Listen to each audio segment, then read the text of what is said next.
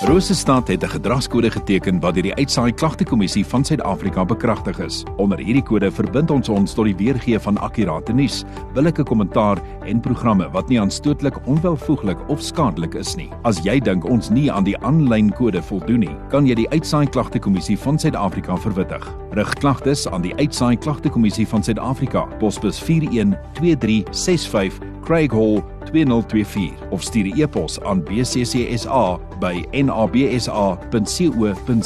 Vir verdere inligting, besoek www.bccsa.co.za.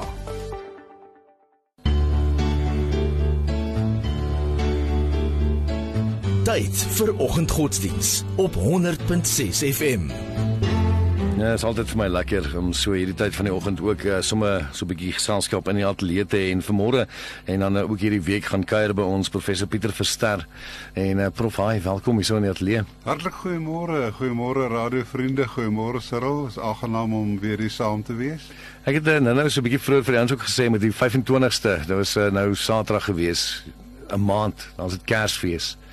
Ja. So so as ons kyk na na die boodskap wat hy wat hy bring so hierdie week, waaroor gaan ons gesels? Waarna gaan ons kyk? Wat is die skrifgedeelte vir die dag ook? Ons gaan 'n bietjie op op weg wees na die Advent. Die Advent is nou die tyd voor Kersfees waar ons in die Sondag voor Kersfees nadink oor die koms van ons Here Jesus en ek gaan in hierdie week so 'n bietjie op pad daarin wees, 'n bietjie uit die Ou Testament ook gedeeltes lees en 'n bietjie nadink oor die betekenis van Jesus vir ons. En dan vanmôre wil ons by Genesis 3 begin, Genesis 3 vanaf vers 14.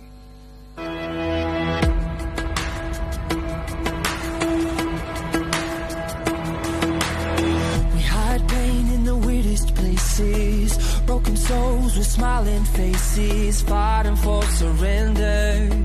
For now and the after, yeah. Just look around and you see that people are scared to say how they really feel.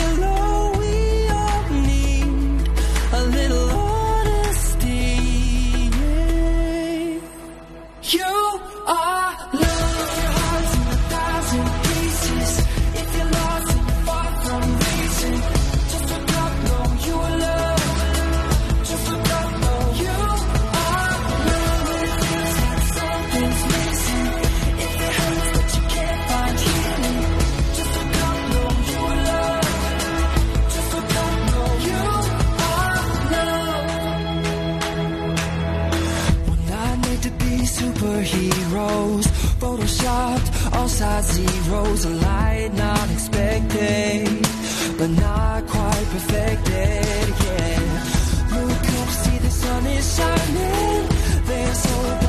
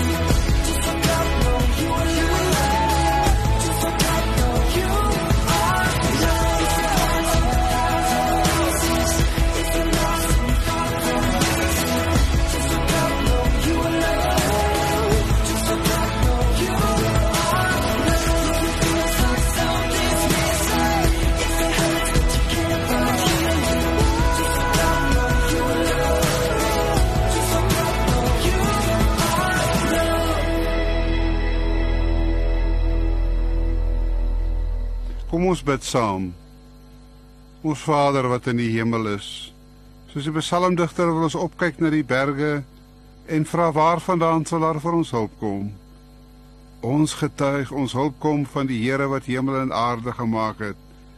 U sal nie toelaat dat ons struikel nie. Dis U wat ons beskerm. U slaap nooit nie. So vertrou ons op U, o Here, en ons bid dat U ons tog sal help in Jesus se naam. Amen. Kom ons lees saam uit Genesis 3. Ons lees vanaf vers 14 en die Here God sê vir die slang: Omdat jy dit gedoen het, is jy vervloek onder al die diere. Op jou maag sal jy seil en stof sal jy eet jou lewe lank. Ek stel vyandskap tussen jou en die vrou, tussen jou nageslag en haar nageslag. Haar nageslag sal jou kop vermorsel en jy sal hom in die hakskeen byt. Vir die vrou het die Here gesê ek sal jou baie swaar laat kry met jou swangerskappe. Met pyn sal die kinders in die wêreld bring. Na jou man sal jy hunker en hy sal oor jou heers. Vir die mense het die Here God gesê: Omdat jy na jou vrou geluister en geëet het van die boom waarvan ek jou verbied het om te eet, is die aarde deur jou toedoen vervloek. Met swaar kry sal jy daaruit te bestaan maak jou lewe lank. Die aarde sal vir jou dorings en dussels laat uitsprei en jy sal veldplante eet. Net deur harde werk sal jy kan eet totdat jy terugkeer na die aarde toe, want daaruit is jy geneem. Stof is jy en sal jy sal weer stof word. Die sonde is 'n groot werklikheid met baie gevolge. Maar ons kan vanmôre getuig dat ons moed kan skep, dat ons seker kan wees van oorwinning dat ons in hierdie adventtyd kan weet dat Jesus Christus dinge nuut maak en vir ons verandering gebring het. Hier lees ons van vyandskap, van smart, van oorheersing, van swaar kry en van die dood. Diep onder die indruk van die ellende van die mense in ons land, roep ons uit: Wanneer en van waar sal ons verlossing kom? Ons is in Suid-Afrika, verwoeste land, 'n moordland erger as sommige oorlogsgetuistere gebiede. Ons ken Genesis 3 ook in hierdie land. Maar wat wil hierdie gedeelte vir ons sê? As ons mooi gaan kyk, is hier drie gedagtes wat na vore kom. Eers die vyandskap tussen die slang en die mens, dan die vrou se verhouding met haar man en dan die man se verhouding met werk en die dood. Baie mense sê dat Genesis 3 is eintlik maar net 'n verhouding tussen 'n slang en mense en dat daar geen verdere betekenis is nie. Paul Creer, 'n persoon wat aan die Noordwes Universiteit 'n artikel geskryf het, het dit baie goed hanteer en gewys daarop dat daar verskillende betekenisse aan hierdie verhouding tussen die mense en die slang na vore kom.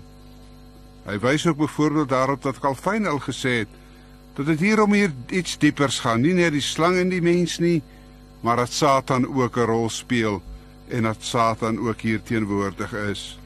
By Calvin kry ons dit al reeds baie sterk en ook in 'n ou Christelike tradisie dat die slang eintlik ook hier op Satan dui. Ons lees daarvan in Openbaring.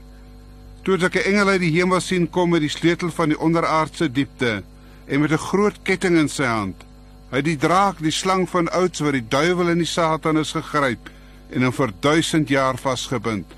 Hy het hom in die onderaardse diep gegooi, diepte gegooi, dit toegesluit en dit bokant hom verseël sodat hy nie meer die nasies kan verlei voordat die 1000 jaar om is nie. Daarna moet hy 'n klein rukkie losgelaat word. Daarom is daar mense in die kerkgeskiedenis wat gesê het hierdie verhouding tussen die slang en die mens dui op 'n moederbelofte, 'n groot belofte dat daar oorwinning oor die slang sal kom, oor die Satan, en dat die Satan verslaan sal word en dat daar verlossing sal wees. Ons kan hierin iets sien van die koms van ons Here Jesus. Hy is die een wat die oorwinning aan die kruis behaal. Die kruis is sentraal. Skep daarom moed, geagte vriend. Die Here Jesus het oorwin. Advent is die koms van die verlosser. Daar is verlossing. Reeds in die evangelies lees ons van die groot oorwinning oor die Satan en sy magte wanneer Jesus die demone en die duiwels uitdryf en die oorwinning in Christus aankondig. Dit is 'n groot wonder waarvan ons kan getuig. Maar er is 'n tweede gedagte wat na vore kom en dit is die verhouding tussen die vrou en haar man. Ons lees hier dat sy met swaar kry kinders in die wêreld sal bring. En dan sal sy na haar man hunker en hy sal oor haar heers. Die gevolge van die sonde raak ook die verhouding tussen die man en die vrou. Dis 'n tragiese verhouding. In hierdie tyd wanneer ons ook nadink oor die geweld wat teen vroue en kinders gepleeg word, is dit belangrik om te verstaan dat ook dit opgehef is. Dat ook hierdie verhouding van onderdanigheid en van swaarkry deur die Here Jesus opgehef is. Ons lees op 'n wonderlike manier daarvan in Efesiërs 5. Daar word vir ons gesê: "Wees aan mekaar onderdanig." En daar in Efesiërs 5 word die liefde die beginsel van die verhouding tussen die man en vrou. Wat 'n groot wonder 'n wonder dat 'n vrou en 'n man in 'n liefdesverhouding met mekaar kan staan en dat daar volkomme herstel gekom het en dat die oordeel opgehef is en die nuwe verhouding moontlik gemaak is. Dit is die Here Jesus wat dit moontlik maak. Dis hy wat hierdie wonder doen, 'n nuwe verhouding tussen man en vrou, man en vrou wat op 'n besondere manier met mekaar kan saamleef in liefde wat die Here bevestig. En dan die derde plek, die man en die aarde dat hy eh, vir, hom gesê word dat hy met swaar kry sy werk sal moet doen om ook te kan eet, dat die aarde dorings en dussels sal voortbring. Maar ook dit word verander in Jesus Christus. Die Here Jesus maak arbeid vir ons 'n vreugde en werk word 'n seën. Dit word 'n wonderlike saak waarmee ons die Here dien.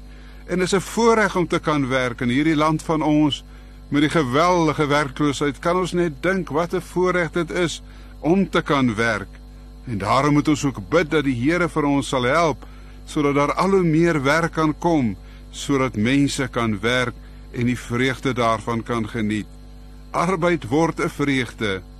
Dr. Jan Karstens het 'n doktorsgraad daaroor geskryf hoe dat ons op die markplein ons moet verlustig in die werk wat ons kan doen.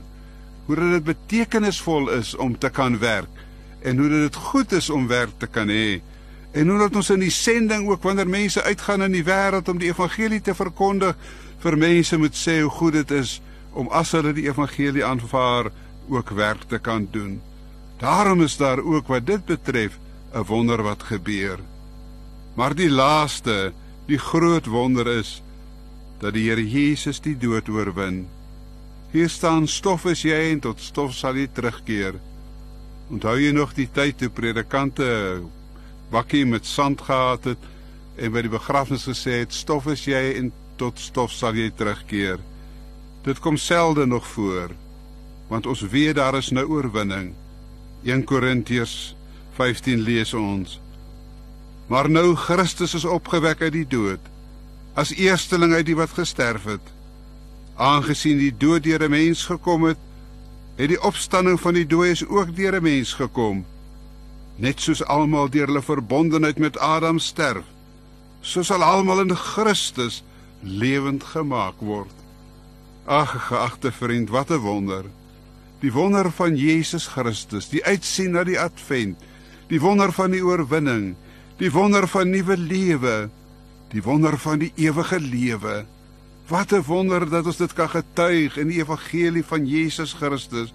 Daarom roep die Here ons op om in die wêreld uit te gaan met die wonderlikste boodskap wat 'n mens ooit kan hoor, en dit is dat die Here Jesus oorwin, dat die Here Jesus vir ons die lewe gee, dat hy in hierdie lewe vir ons nuwe moontlikhede skep, maar dat hy ook die eersteling uit die dood is wat die oorwinning behaal het.